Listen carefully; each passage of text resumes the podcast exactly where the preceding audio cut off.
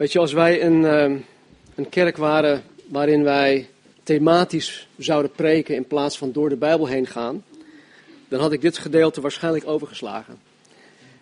Want het is iets wat, ja, waar je eigenlijk als kerkgenootschap, als gelovige niet mee te maken wil krijgen. En het kopje wat, wat boven het stukje staat in Matthäus hoofdstuk 18, er staat wel kerkelijke tucht. Dat is best wel een, een zware lading. Ik denk dat het eerder te maken heeft met verzoening, maar dat zullen we zo meteen ook gaan zien. Maar het is iets waar, waar, ja, waarvan je denkt van nou, het is niet echt een feel-good boodschap. of een uh, boodschap waarvan je denkt van hé hey, ja, nou, hiermee ga ik de mensen echt, yes, bemoedigen. Ja, het zal je uiteraard bemoedigen, want het is Gods woord. Nou, vorige week hebben we gezien dat men zichzelf eigenlijk gewoon moet verlogenen. En daar, daar komt het uiteindelijk op neer. Men moet zich veranderen, mensen moet zich eigenlijk helemaal vernederen tot het niveau van een kind, een klein kind. Niet alleen om de grootste te zijn in het koninkrijk, maar om überhaupt het koninkrijk in te kunnen gaan. Om überhaupt een christen te kunnen worden of een christen te kunnen zijn. Ook hebben we gezien dat God er totaal niet van gediend is wanneer iemand een van Gods kinderen doet struikelen. Of wanneer iemand een van Gods kinderen verleidt tot zonde. Of wanneer iemand een van Gods kinderen in de weg staat om dichter bij Jezus te kunnen komen. En dat, dat kan op veel verschillende manieren gebeuren. dat je iemand in de weg staat om dichter bij Jezus te komen. Om even een voorbeeld te noemen. Mijn moeder is iemand die altijd, de, eh, omwille van de lieve vrede, die, die verricht allerlei verschillende handelingen, zodat mijn vader beschermd wordt tegen dingen die hem eventueel boos kunnen maken of die hem eventueel, ehm, ja, laat ik het zo zeggen, boos maken. Het probleem daarvan, het is wel een goede bedoeling, maar het probleem daarmee is dat als zij tussen hem, tussen mijn vader en God instaat, als God hem iets wil leren, al maakt het hem boos, dan komt zij ertussen en ze werkt als een soort van buffer en ze houdt het werk van God in die zin tegen om hem dan die les te laten leren. En ik heb, ik heb van, van nou, al heel vroeg in onze relatie met Marnie heb ik gezegd, als jij dat doet, dan word ik zo boos alleen maar omdat jij God dan in de weg staat om mij dingen te leren. God wil mij dingen leren. Ik wil dichter bij God komen en daar moet jij niet tussen gaan staan. Dus als er mensen zijn die getrouwd zijn en je behoedt je man of vrouw van dingen hè, waarvan je denkt van, oh nee, ik wil die of niet beschermen, doe dat alsjeblieft niet. God wil daarmee aan de slag gaan. Want het trekt je dichter naar God toe. Jezus zei, wie een van deze kleinen, die in mij geloven, doet struikelen, het zou beter voor hem geweest zijn dat een molensteen aan zijn, aan, aan zijn hals gehangen was en hij in de diepte van de zee gezonken was. Zo radicaal denkt Jezus over het doen struikelen van een van zijn kinderen. Jezus zei ook in dat stuk dat ik voor mezelf een struikelblok kan zijn. Door een onheilige handel en wandel. Of door mijn eigen lust en begeerte de vrije loop te laten gaan. Daarin kan ik mezelf in de weg staan. En we zagen ook dat wij elkaar niet mogen verachten. Vooral niet degene die afdwalen. En juist omdat de hemel en de engelen er alles aan doen om een christen te helpen om christen te zijn, mogen wij elkaar niet verachten. Juist omdat Jezus zo ver is gegaan om onze broers en zussen te redden, mogen wij elkaar niet verachten. En in plaats van het verachten van een broer of zus, horen wij zoals de goede herder dat ook doet, de afgedwaalde schaap terug naar de kudde te helpen. Goed, we gaan vanmorgen verder met dit thema. Alleen nu krijgen we te maken met wat er van mij, van jou, van ons verwacht wordt wanneer een broeder of, zon, of, of zuster tegen je zondigt. Ja, dat gebeurt wel eens. Dat een broer of zus tegen je zondigt. En dit kan een broer of zus zijn die wel of ook helemaal niet afgedwaald is. En hoe dan ook, God wil dat wij daar iets mee doen wanneer zoiets gebeurt. Dus laten we vanaf Matthäus hoofdstuk 15, sorry, hoofdstuk 18, vers 15 gaan lezen. Maar als uw broeder tegen u gezondigd heeft, ga naar hem toe en wijs hem terecht tussen u en hem alleen. Als hij naar u luistert, hebt u uw broeder gewonnen. Maar als hij niet naar u luistert, neem er dan nog één of twee met u mee, opdat in de mond van twee of drie getuigen in elk, elk woord vaststaat. Als hij niet naar hen luistert, zeg het dan tegen de gemeente. En als hij ook niet naar de gemeente luistert, laat hij dan voor u als de heiden en de tollenaar zijn. Voorwaar, ik zeg u, alles wat u op de aarde bindt, zal in de hemel gebonden zijn. En alles wat u op de aarde ontbindt, zal in de hemel ontbonden zijn. Verder zeg ik u dat als twee van u op de aarde iets, wat dan ook, eenstemmig verlangen, het hun ten deel zal vallen van mijn Vader die in de hemel is. Want waar twee of drie in mijn naam bijeengekomen zijn, daar ben ik in hun midden. Toen kwam Petrus naar hen toe en zei: Heer, hoeveel keer zal mijn broeder tegen mij zondigen en ik hem vergeven? Tot zevenmaal toe? Jezus zei tegen hem: Ik zeg u niet tot zevenmaal, maar tot zeventigmaal zevenmaal. Daarom kan het koninkrijk der hemelen vergeleken worden met een zeker koning die afrekening wilde houden met zijn slaven. Toen hij begon af te rekenen, werd er iemand bij hem gebracht die hem tienduizend talenten schuldig was. En toen hij niet kon betalen, gaf zijn heer opdracht dat men hem zou verkopen en zijn vrouw en kinderen en alles wat hij had, en dat de schuld betaald moest worden. De slaaf dan knielde voor hem neer en zei: Heer, heb u geduld met mij, en ik zal u alles betalen. En de heer van deze slaaf was innerlijk met ontferming bewogen, liet hem gaan en schold hem de schuld kwijt. Maar deze slaaf ging naar buiten en trof een van zijn medeslaven aan, die hem honderd penningen schuldig was. Hij pakte hem beet, greep hem bij de keel en zei: Betaal mij wat u schuldig bent. Zijn medeslaaf dan liet zich voor hem neervallen en smeekte hem: Heb geduld met mij, ik zal u alles betalen. Hij wilde echter niet, maar ging heen, wierp hem in de gevangenis tot hij de schuld betaald zou hebben. Toen zijn medeslaven zagen wat er gebeurd was, werden zij erg bedroefd. Ze gingen naar hun heer, vertelden hem wat, wat er alles, alles wat er gebeurd was. Toen riep zijn heer hem bij zich en zei tegen hem: Slechte slaaf, al die schuld heb ik u kwijtgescholden omdat u mij dat smeekte. Had u ook geen medelijden moeten hebben met uw medeslaaf, zoals ik ook medelijden met u had? In zijn heer, boos als hij was, gaf hem aan de pijnigers over, totdat hij alles wat hij, wat hij hem schuldig was betaald zou hebben. Zo zal ook mijn hemelse vader met u doen, als niet ieder van u van harte de misdaden van zijn broeder vergeeft. Nou, we beginnen met vers 15. En Jezus zegt, als uw broeder tegen u gezondigd heeft, ga naar hem toe en wijs hem terecht tussen u en hem alleen. Als hij naar u luistert, hebt u uw broeder gewonnen. Tot zover. Dit is zo belangrijk. Jezus legt hier een grondregel vast. Een grondregel voor hoe zijn gemeente, hoe Gods kinderen, hoe wij, hoe jij en ik, hoe Calvary Chapel met elkaar dienen om te gaan wanneer er sprake is van het tegen elkaar zondigen. Het zondigen tegen een broer of zus is, is niet niets. Het is een hele serieuze zaak. Het kan soms verstrekkende gevolgen hebben. Ik geloof dat een ieder van ons daar misschien wel iets vanaf weet. Want het klinkt rot, maar waar je met mensen te maken hebt, heb je ook met zonde te maken. En heb je ook met zonde tegen elkaar te maken. Er zijn sommige gevallen waar een mens, ja, die is, die is zo gekwetst door een zonde dat zij totaal geen deel meer willen nemen aan het kerk zijn. Ze komen de kerk niet meer in. ze hebben gezegd van ja, nou, voor mij hoeft het niet meer.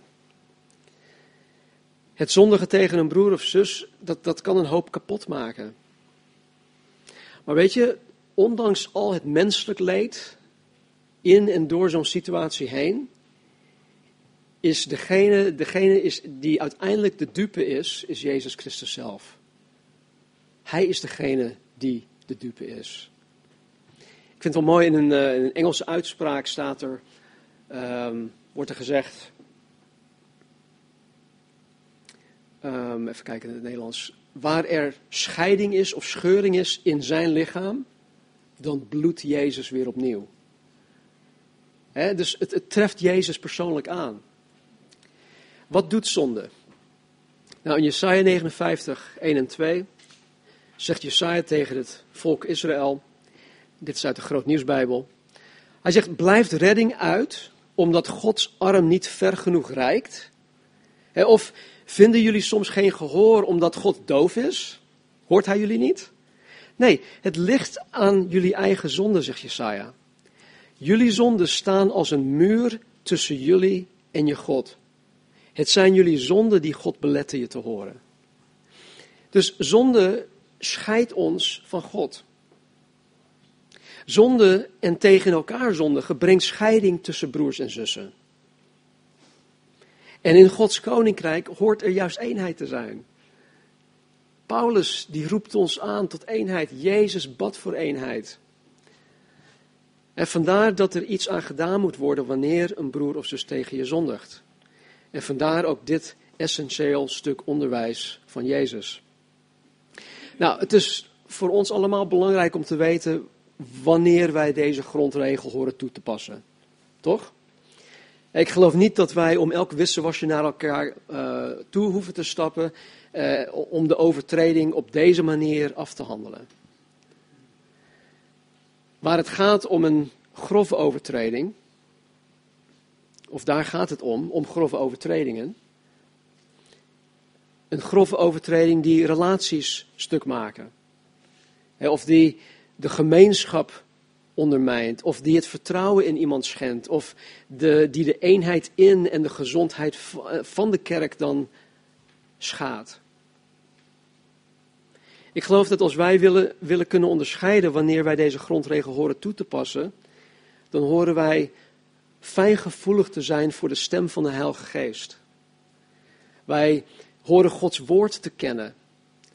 Wij horen Gods woord te gehoorzamen en wij horen ons gewoon ook ons gezond verstand te gebruiken. Wat ook van essentieel belang is, is de reden waarom je überhaupt naar een broer of zus toe hoort te gaan wanneer hij of zij tegen je gezondigd heeft. En dit is de kern van dit heel stuk. Jezus zegt, als hij naar u luistert, hebt u uw broeder gewonnen.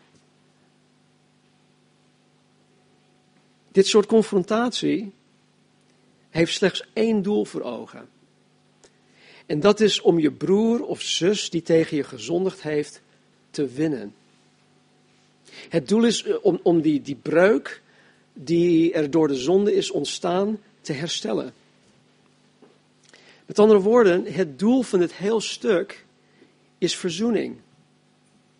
Het gaat om het herstel van de relatie, het gaat om het herstel van de gemeenschap, het herstel van het vertrouwen, het herstel van de eenheid. En dit is voor Jezus van essentieel belang. Als uw broeder tegen u gezondigd heeft, ga naar hem toe, wijs hem terecht tussen u en hem alleen.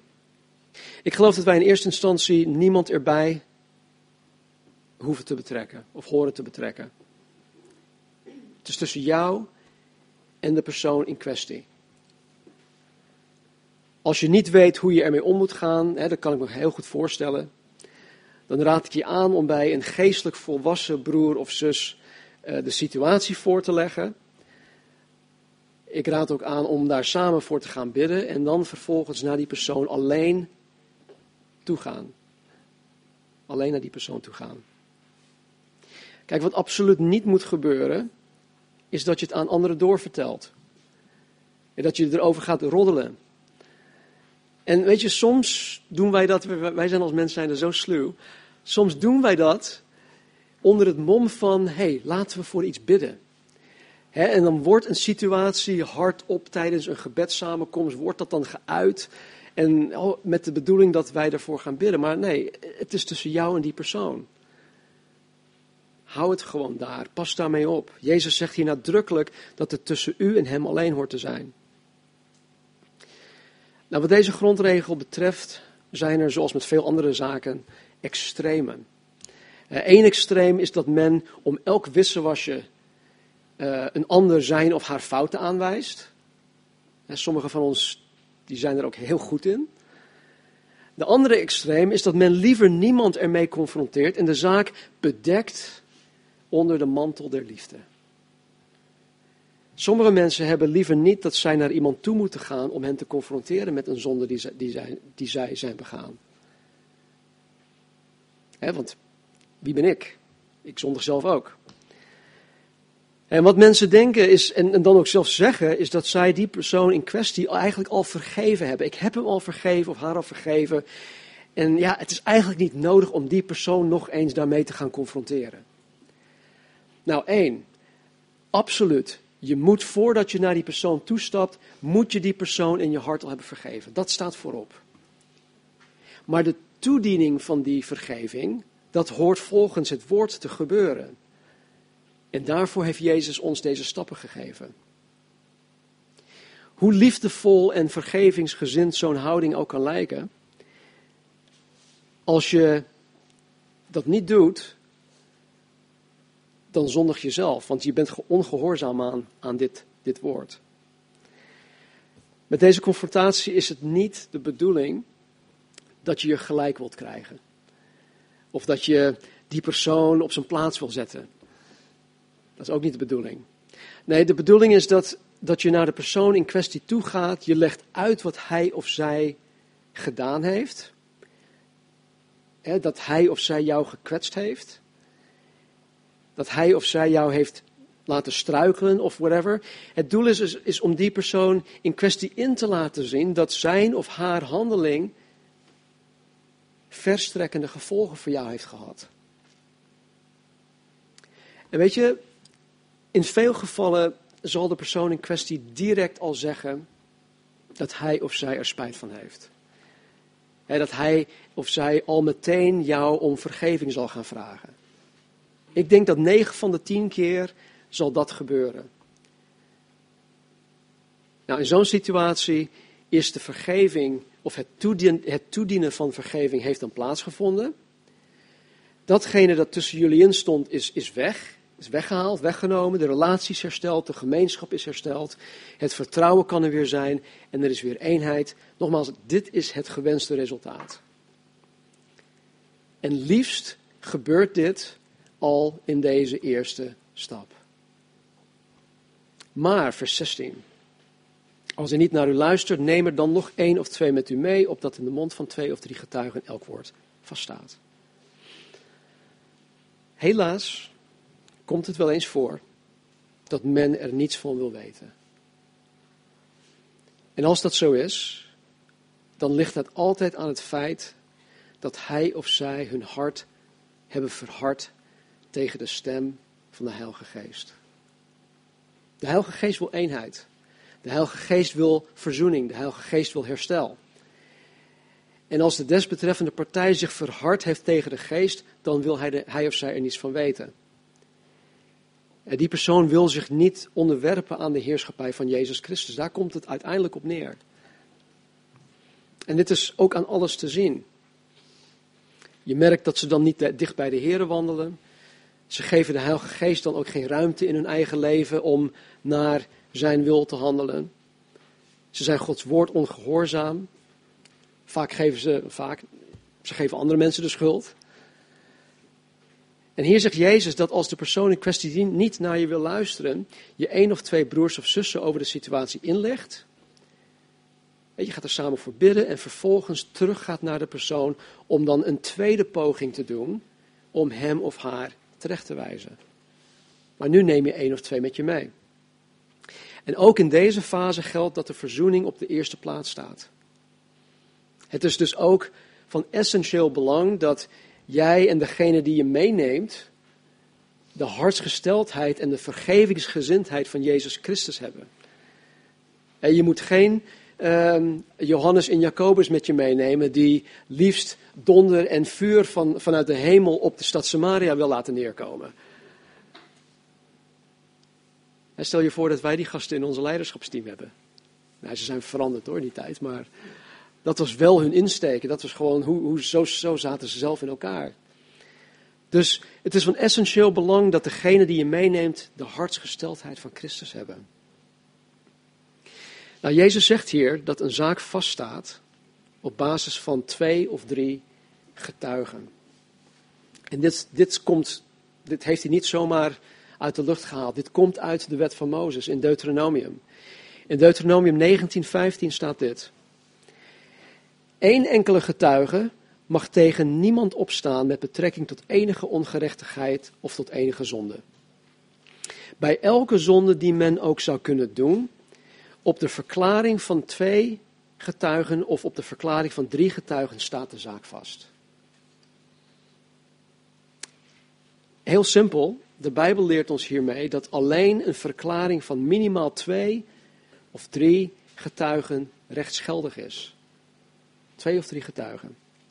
In het Nieuw Testament zien wij dat deze regel ook in de kerk van toepassing is. De apostel Paulus, die heeft in Efeze een kerk gesticht. Hij stelt Timotheus aan als opziener van alle kerken in Efeze. En dan leert hij hen dit. Hij leert hem dit. Hij zegt, um, wijs een beschuldiging tegen een oudste van de hand. Tenzij die bevestigd wordt door twee of drie getuigen. Er is weer twee of drie getuigen zijn nodig om een beschuldiging, om een zaak vast te kunnen stellen. Nou, in dit geval waar Jezus het over heeft, moet ik er wel bij zeggen dat de twee of drie getuigen niet per se getuigen hoeven te zijn van de zonde die de persoon in kwestie aangedaan is. Snap je? Want, want ik denk, ja, ik denk niet eens dat die, dat die mensen erbij waren. Dus het hoeft niet zo te zijn dat als, uh, als Sander iets tegen mij, tegen mij doet, hè, hij zondigt tegen mij, dat ik twee getuigen moet hebben die dat hebben meegemaakt.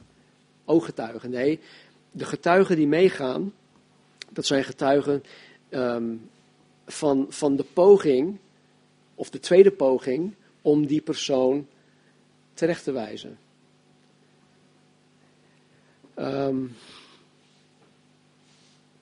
ja, zeg je dat goed? Oké. En daarom zegt Jezus dat je één of twee mensen mee moet nemen. Zodat deze één of twee mensen um, getuigen zijn van een tweede poging dat je toenadering zoekt bij deze persoon. En als hij of zij nog niet wil luisteren, dan zijn er in ieder geval nu twee of drie getuigen erbij die dit rechtsgeldig vast kunnen stellen. Nu is het niet alleen uh, wel eens niet dus jouw woord tegen zijn woord of haar woord. Nee, nu is het zo dat er twee of drie getuigen bij zijn die precies hetzelfde zeggen dat jij zegt. Want zij hebben het meegemaakt dat die persoon weerspannig is en niet mee wil werken. Vers 17, en als hij niet naar hen luistert, dus naar de getuigen en jou, zeg het dan tegen de gemeente. En als hij ook niet naar de gemeente luistert, laat hij dan voor u als de heidenen en de tollenaar zijn. Nou, afhankelijk van hoe, hè, van de mate, hoe verhard het hart van de persoon in kwestie is geraakt, tegen God, tegen de Heilige Geest, zal deze persoon wel of niet luisteren naar de gedupeerde en naar de getuigen. En als hij of zij niet naar jou en de getuigen luistert, zegt Jezus, maak het dan bekend aan de gemeente, aan de plaatselijke kerk waar hij of zij of waar jullie deel van uitmaken. En in ons geval is dat hier Calvary Chapel. En ook in deze fase geldt dat verzoening op de eerste plaats staat. En ook hier is het van essentieel belang dat de gemeente, oftewel alle betrokkenen in deze situatie, de hartsgesteldheid en de vergevingsgezindheid van Christus hebben. Dat moet. Het kan niet anders. En want, stel dat het zo ver is gekomen, we zijn nu in stap 3, we maken het bekend aan de gemeente. Hij wil nu niet naar de gemeente luisteren, nou dan is er nog een vierde stap. En stel dat er iemand in de gemeente is die zijn of haar Bijbel niet kent. En die, die uh, niet begrijpt wat het doel is van deze grondregel die Jezus hier vast, vastlegt. Stel dat deze persoon zelf een, een vleeselijk iemand is, hè, wiens hart ook verhard is jegens de Heilige Geest. Zo'n persoon kan een hoop ophef maken in de gemeente. Waardoor het doel van verzoening het doel van het herstel van de relatie, het herstel van het vertrouwen, de gemeenschap, het, van, het herstel van de eenheid, dat, dat wordt volkomen ondermijnd als niet iedereen de neus in dezelfde richting heeft staan. En dit wil je echt niet. Je wil echt niet, en, en zo ontstaan allerlei scheuringen in kerken, als er mensen zijn die, niet, die dit niet begrijpen. Kijk, dit, dit werkt, en ik denk dat het Jezus, Jezus heeft het ook een ideaal plaatje voor ogen. Dit werkt het beste wanneer mensen gegrond zijn in het woord van God.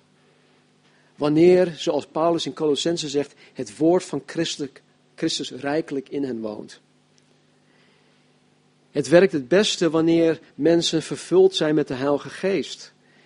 Wanneer mensen in de kerk zelf verlogenende discipelen zijn van Jezus Christus. En ik geloof dat Jezus hier ook vanuit gaat, vandaar dat hij dit onderwijs geeft. Door het aan de gemeente bekend te maken, verbreed je ook het draagvlak van de verzoening. waar iemand misschien maling heeft aan één persoon, waar iemand maling heeft aan twee of drie broeders of zussen, de getuigen, kan het zo zijn dat hij of zij wel tot inkeer komt wanneer de hele gemeenschap ervan af weet en wanneer meerdere mensen vanaf de gemeenschap, vanuit de gemeenschap deze persoon probeert te bereiken. Nogmaals, dit is het gewenste resultaat. En als hij ook niet naar de gemeente luistert, laat hij dan voor u als de heiden en de tollenaar zijn. De heiden en de tollenaar, waar Jezus het hier over heeft, in deze context, moeten worden gezien in de context van het Jodendom. En daarmee bedoel ik dit. Een Jood mocht geen omgang hebben met een niet-Jood, met een heiden.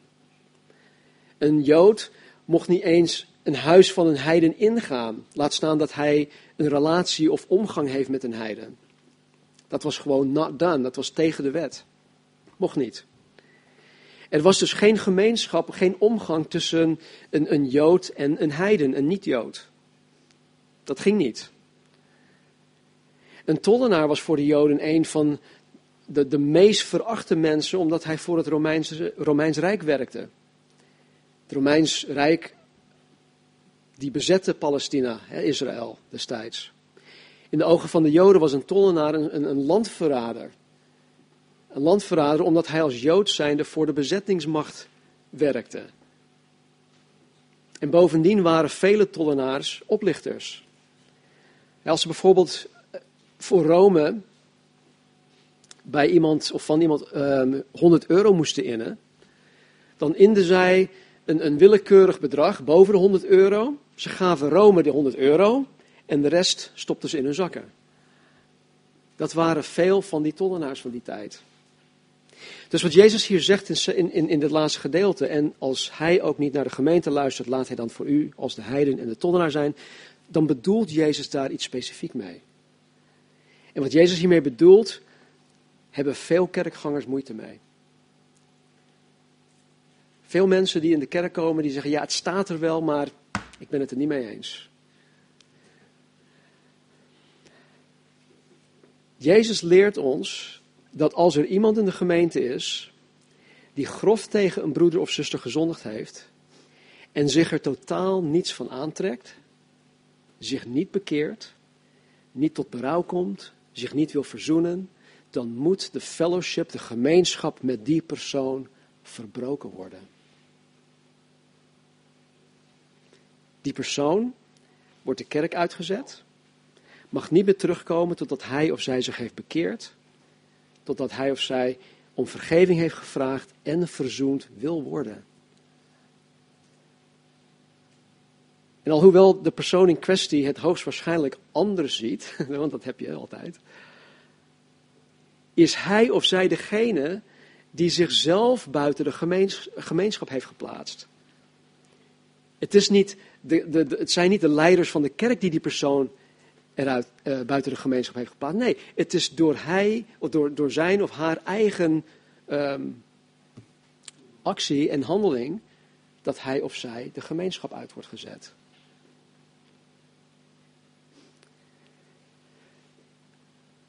Het lijkt bijna niet christelijk. Hè?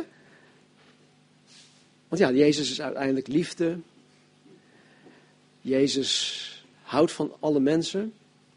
Jezus wil je vriend zijn. Hij heeft een plan voor je leven.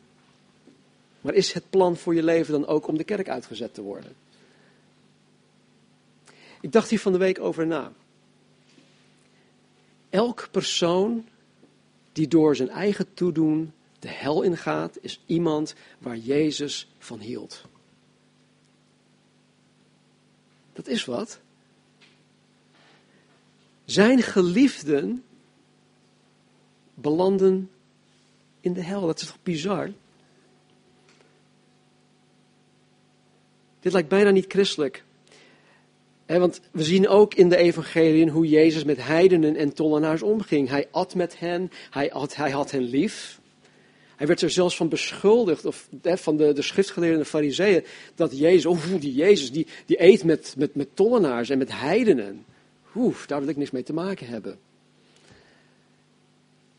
Ja, Jezus had hen lief en ja, Jezus at met hen. Jezus had gemeenschap met hen met het doel om hen voor zichzelf te winnen.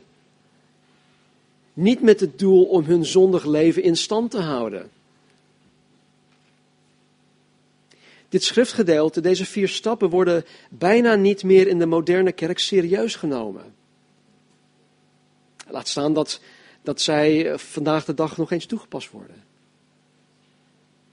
Kijk, je kan ook doorslaan of ja, eh, helemaal doordraaien en, en iedereen om elk wisselwasje de kerk uitzetten. Dat is ook niet de bedoeling, dan heb je niks meer over. Dan sta ik hier in mijn eentje. Weet je, dus dat is ook niet de bedoeling. En sommigen hebben, hebben die fout gemaakt. Sommigen maken die fout vandaag de dag nog steeds. Maar ik denk dat de reden waarom dit niet serieus genomen wordt, is omdat men tegenwoordig niet begrijpt wat Jezus hier voor ogen heeft. En ook deze laatste stap is niet bedoeld om die persoon voor altijd te verstoten, maar om verzoend te worden met die persoon. Herstel en verzoening is hiervan het doel. Nou, ga even met me terug, 2000 jaar. In die tijd was het zo dat als je de kerk uitgezet werd, je eigenlijk verbannen was van de christengemeenschap. Je werd volkomen op jezelf teruggeworpen. En je kon niet langer genieten van de fellowship en de gemeenschap van elkaar. Je kon niet meer genieten van de Bijbelstudies, van de gebedssamenkomsten en dergelijke. Je stond er helemaal alleen voor. De kerk was destijds voornamelijk Joods. Je kon ook niet meer terug naar de synagoge. Oh, ik wil het Jodendom weer aanhangen. Nee, dat kon gewoon niet. Je was, aan alle kanten was je, was je, werd, je, uh, werd je afgestoten. En omdat je er dan alleen voor stond, had je de tijd om, erover, om over dingen na te gaan denken. Dat was de bedoeling. Om God te gaan zoeken. Om na te gaan of het inderdaad niet beter was geweest als je had geluisterd. Het doel is dat je uiteindelijk tot inkeer en tot berouw komt en dat je je bekeert. Kijk, nu, vandaag, anno 2014, is het zo dat als je bijvoorbeeld hier de kerk uitgezet wordt, je morgen ergens anders kan kerken. En niemand wat ervan zegt. Er is niemand die er wat van zegt. Maar dat is de plank geheel misslaan. We hebben in de Bijbel trouwens een praktijkvoorbeeld waarin de apostel Paulus deze grondregel van Jezus letterlijk toepast. Um, nou, ik lees het even voor, het is vanuit het boek. In 1 Korinthe 5, als het op schrijven, 1 Korinthe 5, vers 1 tot 5, staat dit.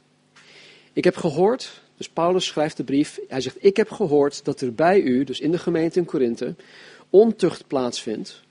En dan nog wel van een soort dat zelfs onder de ongelovigen niet voorkomt. Er is een man bij u die met zijn stiefmoeder naar bed gaat. En u, maar verwaand zijn. U had beter in de rouw kunnen gaan. Waarom? Hebt u die man niet uitgestoten uit uw gemeente? Want al ben ik lichamelijk afwezig, in de geest ben ik bij u. Ik heb mijn oordeel over die man al klaar, alsof ik zelf aanwezig was. Als u in de naam van onze Heer Jezus bijeen bent en ik er in de geest bij ben, moeten we die man door de kracht van de Heer Jezus uit onze gemeenschap stoten en aan de Satan overleveren. Daardoor zal zijn menselijke natuur, zijn vlees, worden verwoest, maar kan zijn geest op de grote dag van de Heer gered worden. Het is heftig. Ik lever jou over aan de Satan. En dat is niet letterlijk dat je iemand aan de Satan overlevert, maar de wereld buiten de gemeenschap is onder de heerschappij van Satan en daardoor ben je eigenlijk als het ware overgegeven aan de Satan. Je hebt de bescherming van de gemeente niet. Je hebt de gemeenschap van de gemeente niet. En na deze vermaning in, in deze eerste brief hebben de Corinthiërs stap 4 op deze man toegepast. Ze hebben hem buiten de geloofsgemeenschap gezet. Maar wel met het oog op verzoening, wel met het oog op herstel. En nog een jaar, nog een jaar later schreef Paulus zijn tweede brief aan de Corinthiërs. En hij moedigt of hij spoort de schuldige, uh, of hij, hij spoort hen aan om de schuldige broeder te herstellen. Deze persoon die dat had gedaan, hele grove zonde, die, die, die had zich kennelijk hersteld, die had zich kennelijk, uh, die had berouw, die had zich bekeerd. En nu zegt Paulus dus, omarm deze man weer. En dan staat er in 2 Korinthe 2, vers 4 tot 11 dit. Paulus zegt, ik vond het vreselijk die brief te schrijven. En dit, dit, zoiets doe je niet zomaar, het doet heel veel pijn. Maar hij zegt, ik vond het vreselijk die brief te schrijven. Mijn hart brak en ik huilde van verdriet. Ik wilde u helemaal geen pijn doen, maar ik wilde u wel laten weten hoeveel ik van u houd. Besef goed dat de man over wie ik schreef, die al die, die al die problemen veroorzaakte, niet zozeer mij verdriet heeft gedaan als wel u, hoewel ik mijn deel ook heb gehad. Ik wil hem nu niet te hard vallen. Hij is door uw gezamenlijke afkeuring al genoeg gestraft. Het is nu tijd om hem te vergeven en te bemoedigen. Anders wordt hij zo verbitterd en ontmoedigd dat hij er nooit meer bovenop komt. Daarom vraag ik u hem te laten, laten merken dat u nog altijd van hem houdt. Ik heb die vorige brief ook geschreven om te zien hoe ver uw gehoorzaamheid aan mij zou gaan. En nu, wanneer u iemand vergeeft, doe ik het ook. Als ik iemand iets te vergeven heb, vooropgesteld dat ik iets te vergeven heb, doe ik dat als vertegenwoordiger van Christus ter wille van u. Anders zou Satan wel eens voordeel op ons kunnen behalen. Wij kennen zijn streken maar al te goed. Hier hebben we dus een praktijkvoorbeeld waarin de schuldige partij eerst de kerkgemeenschap uitgezet werd. En vervolgens, nadat hij berouw toonde en zich had bekeerd, hij door de kerk weer hersteld werd en opgenomen werd in de gemeenschap. Vers 18. Voorwaar, ik zeg u, alles wat u op de aarde bindt, zal in de hemel gebonden zijn. En alles wat u op de aarde ontbindt, zal in de hemel ontbonden zijn. Ik ga er niet op in wat dit niet betekent.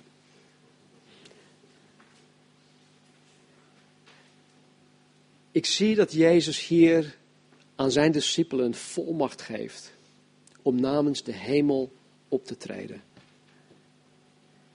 Met andere woorden, als een plaatselijke geloofsgemeenschap zoals die van ons te maken krijgt met iemand die niet naar de, naar de gedupeerde wil luisteren, die niet naar de twee of drie getuigen wil luisteren, die niet naar de kerk wil luisteren, dan wordt deze persoon de kerk uitgezet. Dat zijn de stappen. En wat hier op aarde bindend is, zal ook bij God in de hemel bindend zijn. En wanneer de schuldige persoon zich bekeerd heeft en verzoend heeft met de, met de, met de gedupeerde, dan zal de schuldige hersteld worden, opgenomen worden in de gemeenschap. En ook dat zal hier op aarde en in de hemel bindend zijn. Simpel gezegd, en daar had ik, had ik het vorige keer al, ook denk ik toen we in hoofdstuk 16 waren. Simpel gezegd is dit. Wat wij hier op aarde als branchemedewerkers als bindend verklaren, wordt tegelijkertijd op het hoofdkantoor in de hemel als bindend en onbindend verklaard. Besef je wat een grote verantwoordelijkheid wij dragen? Het is wat om bijvoorbeeld, als je vertegenwoordiger bent van een groot bedrijf, nou, dan vertegenwoordig je het bedrijf. Ik heb jarenlang voor Xerox gewerkt. En ik was door en door Mr. Xerox. En ik vertegenwoordigde Xerox ook met, met hart en ziel. Maar wij zijn allen vertegenwoordigers van het hemels koninkrijk. En ook wij hebben die volmacht gekregen. Zolang wij dicht bij Jezus wandelen, zolang wij ons aan, God, aan Gods woord houden, zolang wij de stem van de Heilige Geest willen verstaan en gehoorzamen, dan hebben wij die volmacht ook gekregen.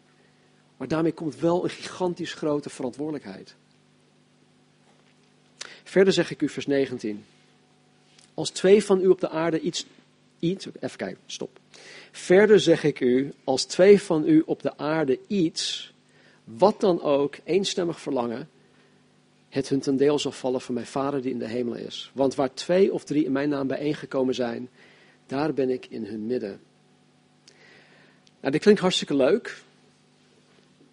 Als twee van u op aarde iets, wat dan ook, overeenstemmig verlangen, het hun ten deel zal vallen van mijn Vader. Nou, ik heb een verlangen om bijvoorbeeld een nieuwe MacBook Pro te krijgen. Nou, ik krijg het, ik krijg het zelf niet voor elkaar. Taco, wil jij voor me samen bidden? Wil jij het ook, ook verlangen? als wij het samen vurig verlangen, dan krijg ik van God een nieuwe MacBook Pro. Nee, dat staat er niet. Dat staat er echt niet. Dit is geen carte blanche om van God te krijgen wat je maar wilt. Ook deze belofte moet gezien worden in de context waarin het geschreven staat.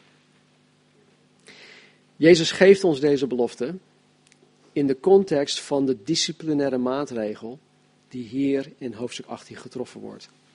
En dit is echt super, super belangrijk. Nogmaals, op basis van Deuteronomium 19:15, op de verklaring van twee getuigen of op de verklaring van drie getuigen staat de zaak vast. Er moeten dus minstens twee mensen zijn die getuigen van deze zaak, hè, de, de, de oneenigheid tussen twee broers of zussen. Het wat dan ook, wat hier in vers 19 staat, dat is een beetje ongelukkig vertaald. Want het heeft hier specifiek te maken met de zaak in kwestie. Het is dus niet wat dan ook, nou wat dan ook, ik wil wat dan ook. Nee, het heeft specifiek te maken met de zaak in kwestie. Wat er tussen de twee gelovigen gebeurd is en wat er vervolgens mee moet gaan gebeuren. Het eenstemmig verlangen naar het gewenste resultaat is iets dat, dat in de harten leeft. Het moet echt in de harten van de mensen leven, um, van, de, van de twee of meer getuigen. Nou, als al deze elementen aanwezig zijn, dan zal God de Vader, die in de hemelen is, zijn goedkeuring geven op de beslissing die genomen is. En hij doet dat door het te laten geschieden zoals men het voor ogen heeft. God wil niet dat een broer en een zus niet samen door één deur kunnen gaan. Dat hoort niet in Gods koninkrijk. Dus zijn wil is dat broer en zus verzoend zijn. Dat er niets tussen een broer en zus in staat. Dus als ik met iemand anders dat één, eenstemmig verlangt, als ik verlang dat die broer en die zus of die broer en die broer weer, weer één zijn, als ik dat verlang, dan verlang ik naar Gods hart. En dan zegt God, yes, jullie doen het goed. Dat, daar ga ik ook voor. Ik zal ervoor zorgen dat dat weer gaat gebeuren, dat dat weer tot stand komt. Dat zal ons gegeven worden. Jezus zegt, waar twee of drie in mijn naam bijeengekomen zijn, daar ben ik in hun midden.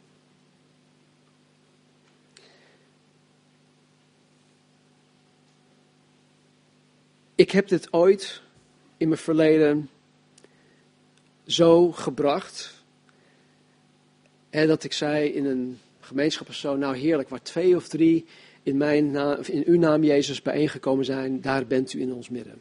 u, bent, u bent er ook. Maar hoe zit het dan als ik in mijn eentje ben? Is hij er dan niet? Nee, dat is, dat is niet zo. Jezus is alomtegenwoordig. Broeder Said, die nu in Iran in de gevangenis zit, in zijn eentje, die, die, die afgeranseld wordt om zijn geloof. Ondanks dat hij in een soort van geïsoleerde cel zit, is Jezus daar bij hem. Het is niet zo van, oh, ik heb er nog eentje nodig, want anders komt Jezus niet. Nee, Jezus is er. Maar waar twee of drie betrokken getuigen volledig naar Gods woord en wil hebben gehandeld, dat betekent in zijn naam. Als wij hier in zijn naam samen zijn, dan zijn wij hier in, in genade, in vergeving, in liefde, in barmhartigheid. Alles wat de naam van God, waar de naam van God voor staat, daarin zijn wij samengekomen. Dus ook hier, waar twee of drie betrokken getuigen in zijn naam volledig naar Gods woord en wil hebben gehandeld, zal Jezus erbij zijn om ook zijn fiat te geven. En toen kwam Petrus, vers 21, naar hem toe, naar Jezus toe. En hij zei, heren, hoeveel keer zal, ik mijn, of zal mijn broeder tegen mij zondigen en ik hem vergeven? Tot zevenmaal toe. Nou, om dit te kunnen begrijpen is het belangrijk om iets te weten. De norm van die tijd, wat de Rambijnen handhaafden, was dat men iemand die tegen, tegen hen gezondigd had, dat die persoon uh, de ander tot, tot maximaal drie keer moest vergeven. Maximaal drie keer. En Petrus, geloof ik, die het hart en de vergevingsgezindheid van God begint te begrijpen, vraagt Jezus of hij een broeder of zuster die tegen hem gezondigd heeft, tot zeven keer moet vergeven. Dat is al meer dan dubbel dan wat de rabbijnen voorschrijven.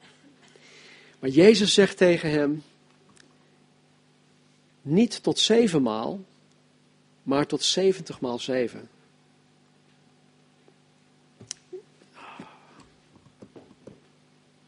Ik denk niet dat ik het helemaal af kan maken. Nog even dit. Jezus zegt, zegt dus tegen hem, ik zeg u niet tot zevenmaal, maar tot zeventig maal zeven. In dit stukje alleen zien wij de vergaande vergevingsgezindheid van God. Jezus zegt dat ik mijn broeder of zuster die tegen mij gezondigd heeft, 70 maal 7 maal moet vergeven. Mensen, dat is 490 keer. Houden jullie dat bij? Ik niet. want de liefde houdt overtredingen niet bij. 1 Korinthe hoofdstuk 13. Lees het maar. Het idee erachter is dat je je broers en zussen onbeperkt moet blijven vergeven. Onbeperkt. Want dat is wat God voor jou en voor mij en voor je broers en zussen heeft gedaan. Hij doet het voor ons. Trouwens, even heel iets anders. Die 70 maal 7 maal, dat is ook weer iets bekends. Dat, dat komt uit het boek Daniel. Daniel heeft het over de 70 weken.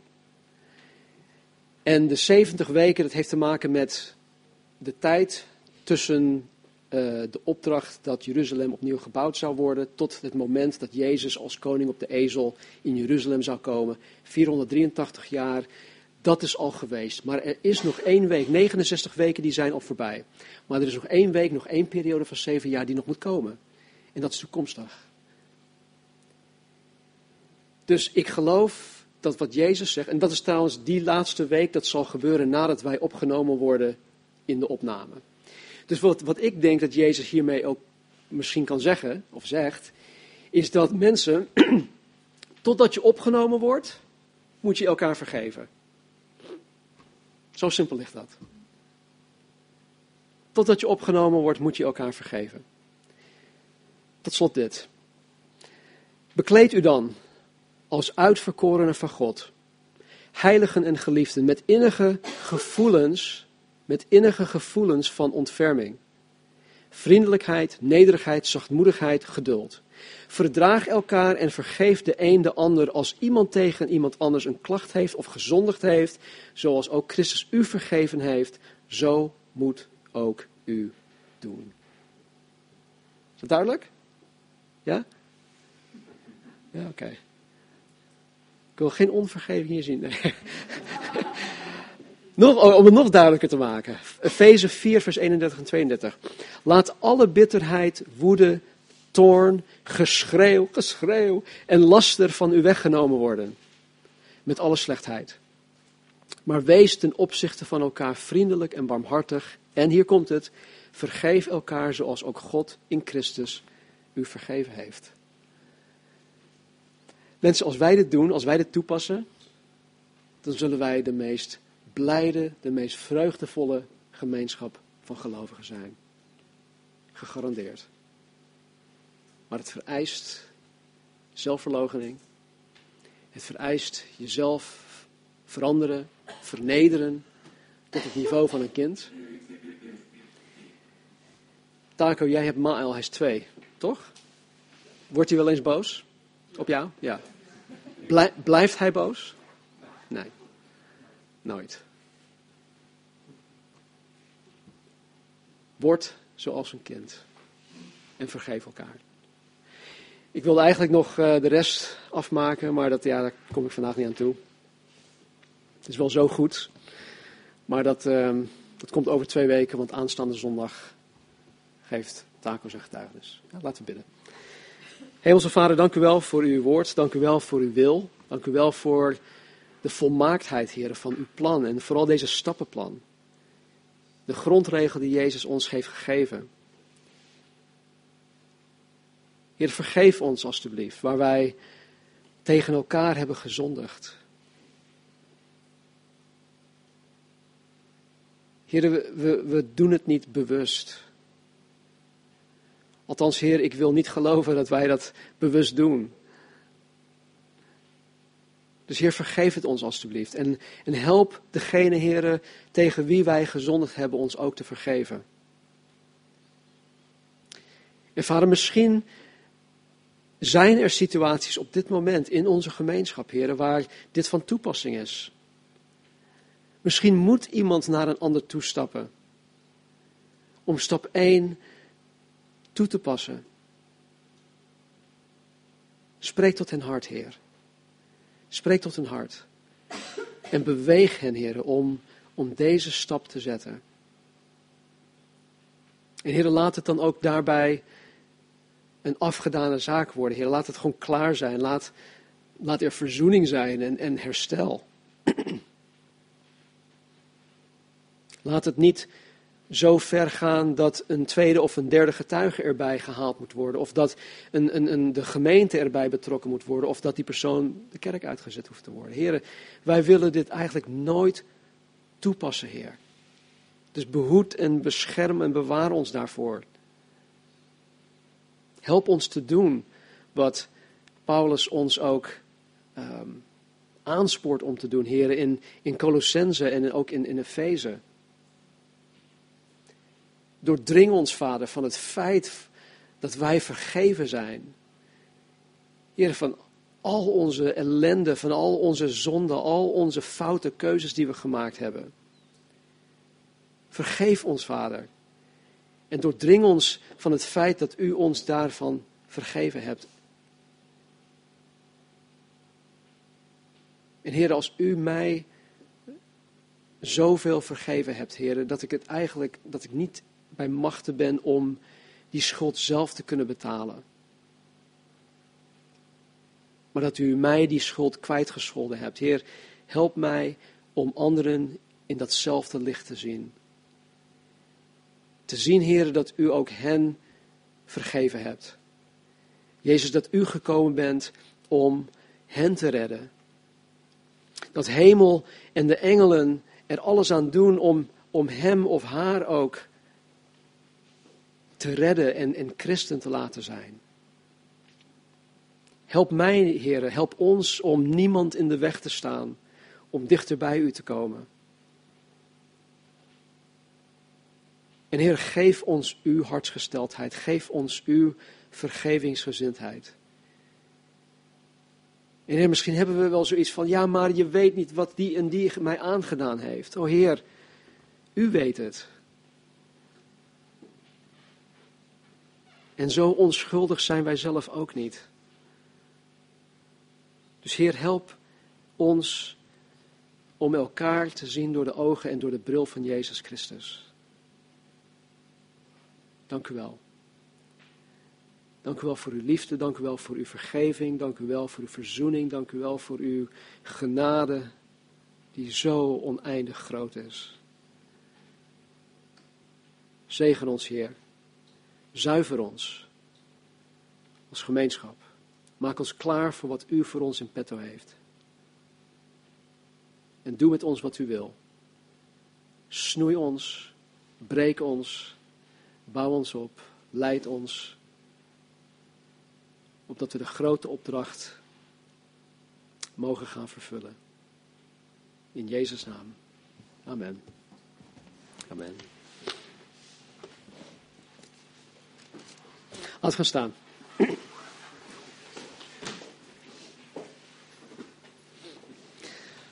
Mijn gebed voor en ieder van jullie is dat je de hartsgesteldheid en de vergevingsgezindheid van Christus mag krijgen. Steeds meer en meer en meer.